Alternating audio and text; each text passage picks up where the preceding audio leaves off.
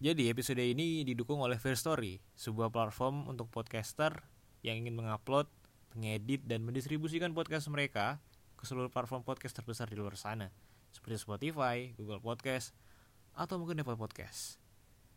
Di sini di Fair Story semuanya gratis dan yang paling penting di sini kamu bisa mendapatkan uang tambahan dari setiap episode podcast kamu dengan gampang dan tentunya tanpa biaya sama sekali. Ayo tunggu apa lagi? Gue tunggu lo buat join ke Fear Story karena ini adalah platform podcaster terbaik yang pernah ada.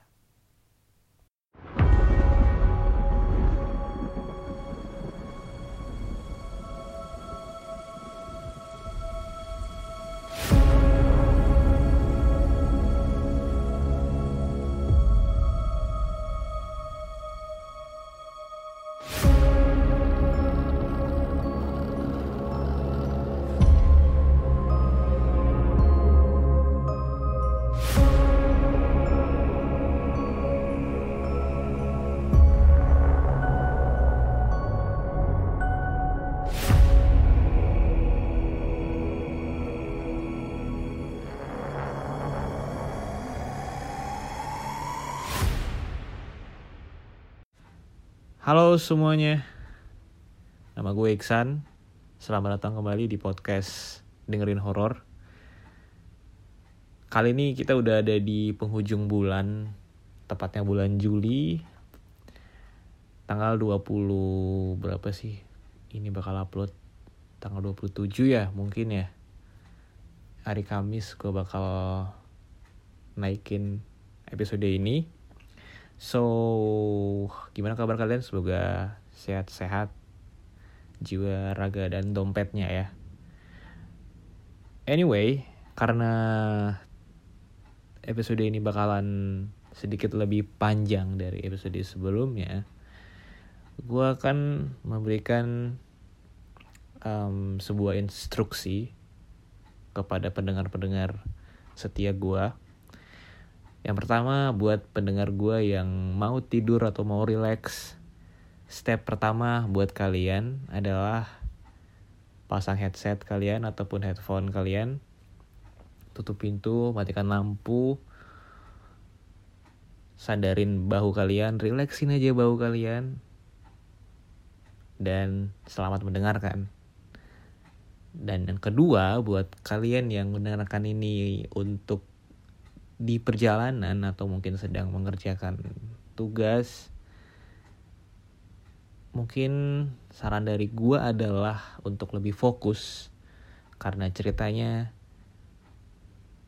perlu atau diperlukan sedikit fokus karena ada mengingat nama tempat dan nama seseorang. So mungkin kalian udah udah pada nggak sabar buat dengerin cerita ini karena bakalan seru. Kita mulai episodenya. Thread ini berjudul Satu Malam di Villa Angker. Thread ini ditulis oleh akun Twitter @rianfrdnt. Jadi, baru saja ada seorang sahabat yang mengirimkan seutas pesan lewat DM Instagram. Dia menceritakan sebuah pengalaman yang tak pernah terlupakan di hidupnya saat ia menginap di salah satu villa di daerah B.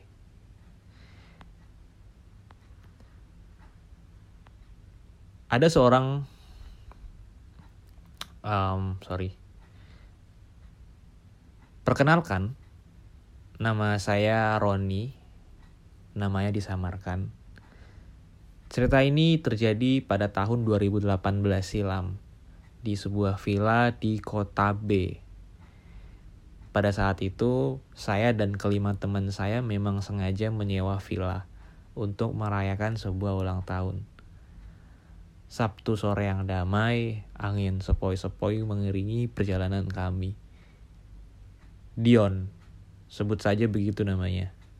Dia adalah orang paling berisik di antara yang lain. Yang ultah, nyanyi dulu dong. Aku lelaki tak mungkin menerimamu bila ternyata kau mendua. Itu bukan pilihan. Persis seperti orang mabuk yang kehilangan kesadaran. Beda dengan Aziz, dia adalah seorang yang paling pendiam. Hanya cengengesan di pojok, seraya menyantap snack yang dibeli dari minimarket sebelum kami berangkat tadi keberagaman. Mungkin begitulah yang hadir di persahabatan kami. Sementara itu, yang ulang tahun hari ini adalah Sofian. Dia anak orang tajir.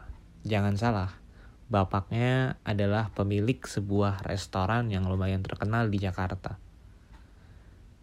Saya tidak bisa sebutkan di sini. Kuharap kalian mengerti. Hari ini ia merayakan ulang tahunnya yang ke-23 tahun. dan dua orang lagi. Mereka bernama Tina dan Dewi. Dua orang wanita ini adalah pelengkap dalam persahabatan kami. Mereka orangnya asik, apalagi Tina. Kadang kalau kami berbincang, ia sering menjadi penghidup suasana. Gak lama kemudian, kami pun sampai di villa tersebut. Gak ada yang aneh di sana. Villanya lumayan bagus, ada dua lantai dan juga kolam renang di belakang villa tersebut. Oh iya, pada saat itu kami sampai di lokasi tersebut pada pukul setengah empat sore. Masih cukup terang dan belum cukup dingin. Mang, gimana? Deal kan? Ucap Sofian kepada penjaga villa tersebut. Terus si Mamang hanya menganggut-nganggut seraya memberikan kuncinya. Tak ada yang aneh, bahkan ketika kami berlima masuk ke dalam villa tersebut. Ternyata dalamnya cukup besar dan tertata rapi. Mungkin memang dirawat dan sering dibersihkan oleh si Mamang penjaga villa tersebut. Ada tiga kamar di villa tersebut, satu kamar di ruangan bawah dan dua kamar di ruangan atas kami memilih mengosongkan ruangan bawah dan berkumpul di ruangan atas villa tersebut. Gimana nih, bos? Acara pertamanya apa nih? Ucap saya kepada Sofian. Hmm, apa ya? Sofian nampak seperti berpikir. Gimana kalau kita berenang dulu? Aso itu ujar Dion. Lo aja sendiri, kata Dewi. Berdua kayaknya enak sih, kata Dion. Udah, barbekyuan aja, simple. Saran Ajis yang tumben kini ia menguasai perbincangan. Terus Sofian mengiyakan mereka. Singkat cerita, kami pun berkumpul di halaman belakang villa tersebut. Dion dan Aziz tengah duduk di tepi kolam dengan sebatang rokok dan secangkir kopi milik mereka. Sementara itu, saya, Tina, Dewi, dan Sofian tengah berbincang di sebuah gazebo yang berada di pinggir kolam. Lain kali kalau lo ulang tahun, jalan-jalan ke Jepang dong bos ucap saya yang ditujukan kepada Sofian. Lo tuh, lo kan bentar lagi ulang tahun. Gaskan ke Jepang dong. Seru Dewi. Nah iya, bulan depan kan? Ujar Sofian. Kini malah gue yang justru diserang oleh mereka. Gak terasa hari pun sudah mulai gelap menghadiahkan temaram yang perlahan datang menuju permukaan. Udara pun berubah menjadi semakin dingin, memaksakan Aziz mengenakan dua lapis sweater pada saat itu. Serakah amat lo Jis, pakai dua sweater, kata saya. Hmm, dingin gue, kata Aziz. Saat malam tiba, penjaga villa tersebut datang menemui kami berlima. Dengan ciput hitam, sarung yang diselendangkan, juga jaket parasit, jaket parasut yang tidak di resletingkan. Dia tidak terlalu tua, umumnya saya tebak kira-kira masih umur 40-an. Dia sangat sopan dan juga baik terhadap kami. Kalau butuh sesuatu, telepon saya saja ya, tapi telepon biasa saya nggak punya WA soalnya ujar si mamang tersebut oh iya satu lagi. Kalau malam-malam jangan main di kolam ya Den. Mamang mah takut ada yang kecebur. Dan lumayan dalam nih kolamnya. Sambung si mamang. Siap mang. Pokoknya beres deh. Ucap Dion. Setelah selesai, si Mamang pun pergi dengan membawa senter besar yang senantiasa setia berada di genggamannya tersebut. Saat itu saya melihat jam menunjukkan pukul 7 malam. Um, ini pada nggak mandi. Ucap saya kemudian. Bodoh amat. Dingin tahu ujar Tina. Gue mandi duluan ah, sambut Dion. Udah, gak usah rebutan, ada dua nih kamar mandinya, balas Sofian. Ya udah, gue mandi di kamar mandi yang di atas ya, kata gue. Yaudah, yaudah, gue di bawah, kata Dion. Singkat cerita, kami pun kembali berkumpul di lantai atas villa tersebut dengan bermain Uno bersama. Sialnya saat itu gue kalah dari mereka, membuat wajahku penuh lipstick dari Tina. Pukul 10 malam, udara semakin menusuk dengan tajam. Gak kusangka, Sofia diam-diam membawa dua botol minuman keras di dalam tasnya kami pun meminumnya bersama. Sementara Tina dan Dewi masuk ke dalam kamar mereka. Entahlah, mungkin dalam keadaan setengah sadar kami mendengar pintu villa tersebut diketuk beberapa kali. Apakah si mamang penjaga villa? Kalau iya, ada perlu apa dia malam-malam begini? Dan lagi, pintu ada yang mengetuk lagi. Kini dengan begitu keras. Dewi dan Tina pun keluar kamar. Kalian mabuk ya? Ada yang ngetuk pintu bego. Bukain. Ujar Tina. Kita juga dengar dari tadi kali. Tapi ngapain malam-malam gini? Ucap Sofian. Kalau kalian dengar, kenapa nggak dilihat tuh yang yang ngetok siapa? Balas Dewi. Ya lagi pula ini kan udah malam, lo pikir deh. Siapa yang mau bertamu malam-malam begini? Balas Dion. Tumben lo bener. Kata gue. Ya tapi kan takutnya si mamang penjaga villa ini gimana coba? Kata Tina lagi. Terus Sofian balas. Udah stop Ayo bukain bareng-bareng pintunya, kita pastiin. Kami berlima pun bergegas menuju lantai bawah villa tersebut dengan niatan untuk melihat siapa yang mengetuk pintu di jam 12 malam begini. Saat kami semakin mendekat menuju pintu utama villa tersebut, suara ketukan itu lagi-lagi terdengar. Berulang kali, memaksa Sofian berteriak.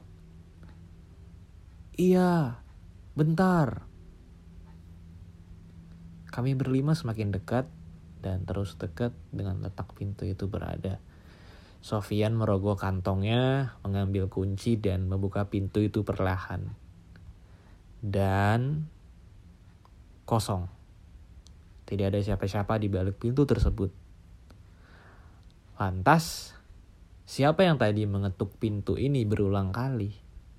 Kami berlima saling tatap Perasaan kami berlima mulai sudah tidak enak detik itu pula. Anjrit. Apaan nih? Ucap Dion. Gak, gak, gak, gak. Jangan yang jangan mikir yang macam-macam dulu ya, kata gue. Cabut yuk ke atas, kata Tina.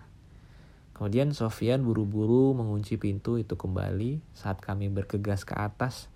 Pintu kembali digetuk dengan begitu keras, membuat kami berlarian agar cepat sampai ke lantai atas villa tersebut. Anjrit, gue gak bisa nih kalau kayak gini, ucap Dion. Santai, santai. Jangan mikir yang macam-macam dulu. Kita harus rileks, kata Sofian. Terus tiba-tiba pintu diketuk lagi nih, tapi dengan keras. Dor, dor, dor, dor. Nah lo, denger gak lo pada? Ucap Dion lagi. Udah, lo jangan banyak ngomong please. Gue jadi takut tahu, kata Tina. Pokoknya kita semua harus tenang. Kata gue.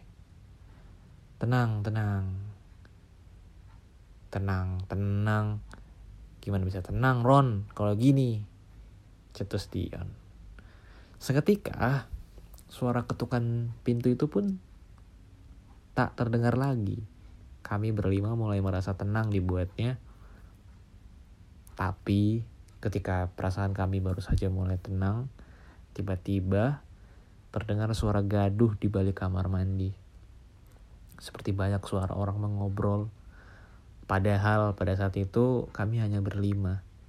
Tapi suara itu jelas sekali. Seperti situasi keadaan pasar yang ramai. Kami dibuat kembali terdiam. Dion menatap mata saya. Dengarkan loh. Ucapnya. Terus gue menelan ludah. Semuanya hanya bisa terdiam hingga tiba-tiba terdengar dengan begitu jelas suara gelas pecah. Dewi menjerit seraya menutup kedua telinganya. Gue mau pulang, gue mau pulang, katanya berulang kali. Terus, gak ada yang berani beranjak dari tempat tersebut. Kita hanya saling menatap satu sama lain tanpa suara dengan perasaan yang sudah merasa dilema. Cek yuk, kita cek barangkali itu cuma kucing ucap Hajis ketika terus dibalas sama Dion dengan nada yang kesal eh lo gila ya kucing mau masuk lewat mana tadi kan lo lihat Sofian kunci lagi pintunya gue cuma nggak mau mikir yang macam-macam Lagian kan kalau kita mikir jernih itu bisa bikin kita sedikit tenang. Kata Ajis lagi. Lo ngerti gak sih? Pintu digedor tanpa ada siapa-siapa, suara orang ngobrol, terus sekarang gelas pecah, sedangkan kita masih di sini. Di saat Dion dan Ajis tengah berdebat, kembali terdengar suara ketukan. Tapi kini bukan dari arah pintu, melainkan jendela yang ada di hadapan kita berenam. Mereka langsung terdiam, sementara Dewi semakin ketakutan. Mama, mau pulang, katanya dengan menangis. Ini adalah situasi yang paling mendebarkan ketika kami semua mendengar suara tawa cekikikan dari balik jendela tersebut. Pulang yuk, pulang yuk. Kini Dion yang tidak bisa menyembunyikan rasa takutnya.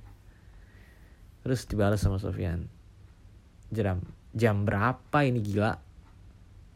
udah kita tinggalin aja tempat ini bodoh amat gue mau pulang kini Tina ikut bersuara semua bergegas merapikan barang bawaan masing-masing saat baru saja kami berenam melangkah dari tangga menuju lantai satu. Kami lagi-lagi dikejutkan sesuatu. Suara gelas pecah itu lagi terdengar begitu jelas, bahkan suara gelas pecah itu kini bertambah banyak. Tujuh kali. Saya masih ingat betul. Seperti ada orang yang sengaja melemparkan gelas-gelas tersebut ke lantai. Saat Sofian buru-buru membuka kunci pintu villa tersebut, diam-diam saya mencuri pandang ke arah dapur. Saya tidak melihat ada serpihan gelas pecah di lantai, namun saya melihat sesuatu yang sulit untuk diutarakan. Sosok hitam besar, taring yang begitu tajam, dan mata yang begitu merah mencekam. Benar-benar saya tidak salah melihatnya. Saat itu pintu sudah terbuka, kami kembali dikejutkan ada sosok wanita di balik pintu. Wajahnya begitu menyeramkan, pakaian serba merah. Kemudian Tina dan Dewi pingsan, Dion Dion kencing di celana, Ajis jongkok ketakutan. Gue dan Sofian saling tatap tanpa suara. Kami pasrah, sudah tidak bisa berbuat apa-apa lagi hingga tiba-tiba ada suara kentungan. Saya teriak dari dalam, berharap itu adalah warga sekitar yang sedang patroli si Skamling.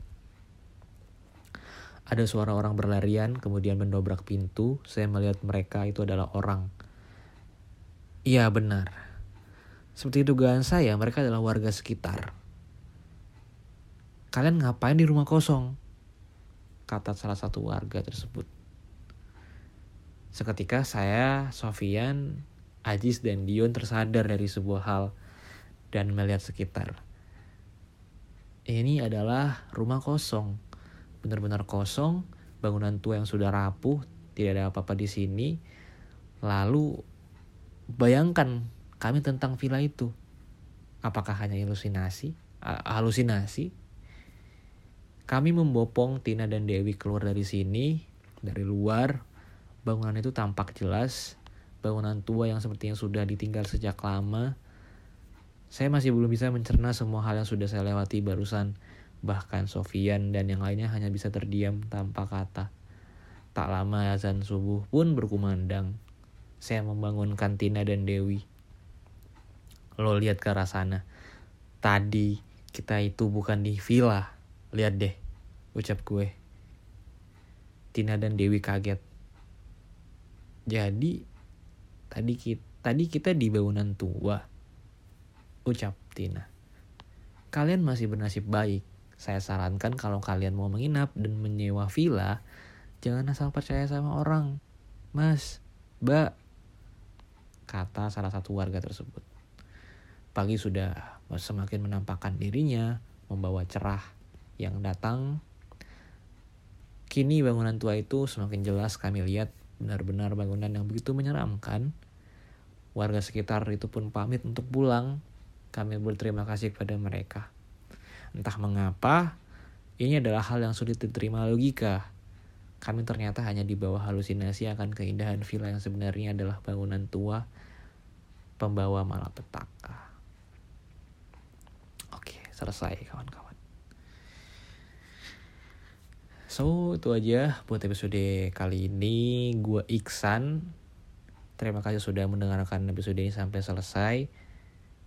Kalau kalian suka dengan podcast ini, bisa tolong apresiasi dengan cara klik tombol follow atau tolong klik tombol share-nya ke teman-teman kalian. Bisa ke WhatsApp, ke Line, ke Instagram atau ke Twitter. See you in another episode. Bye.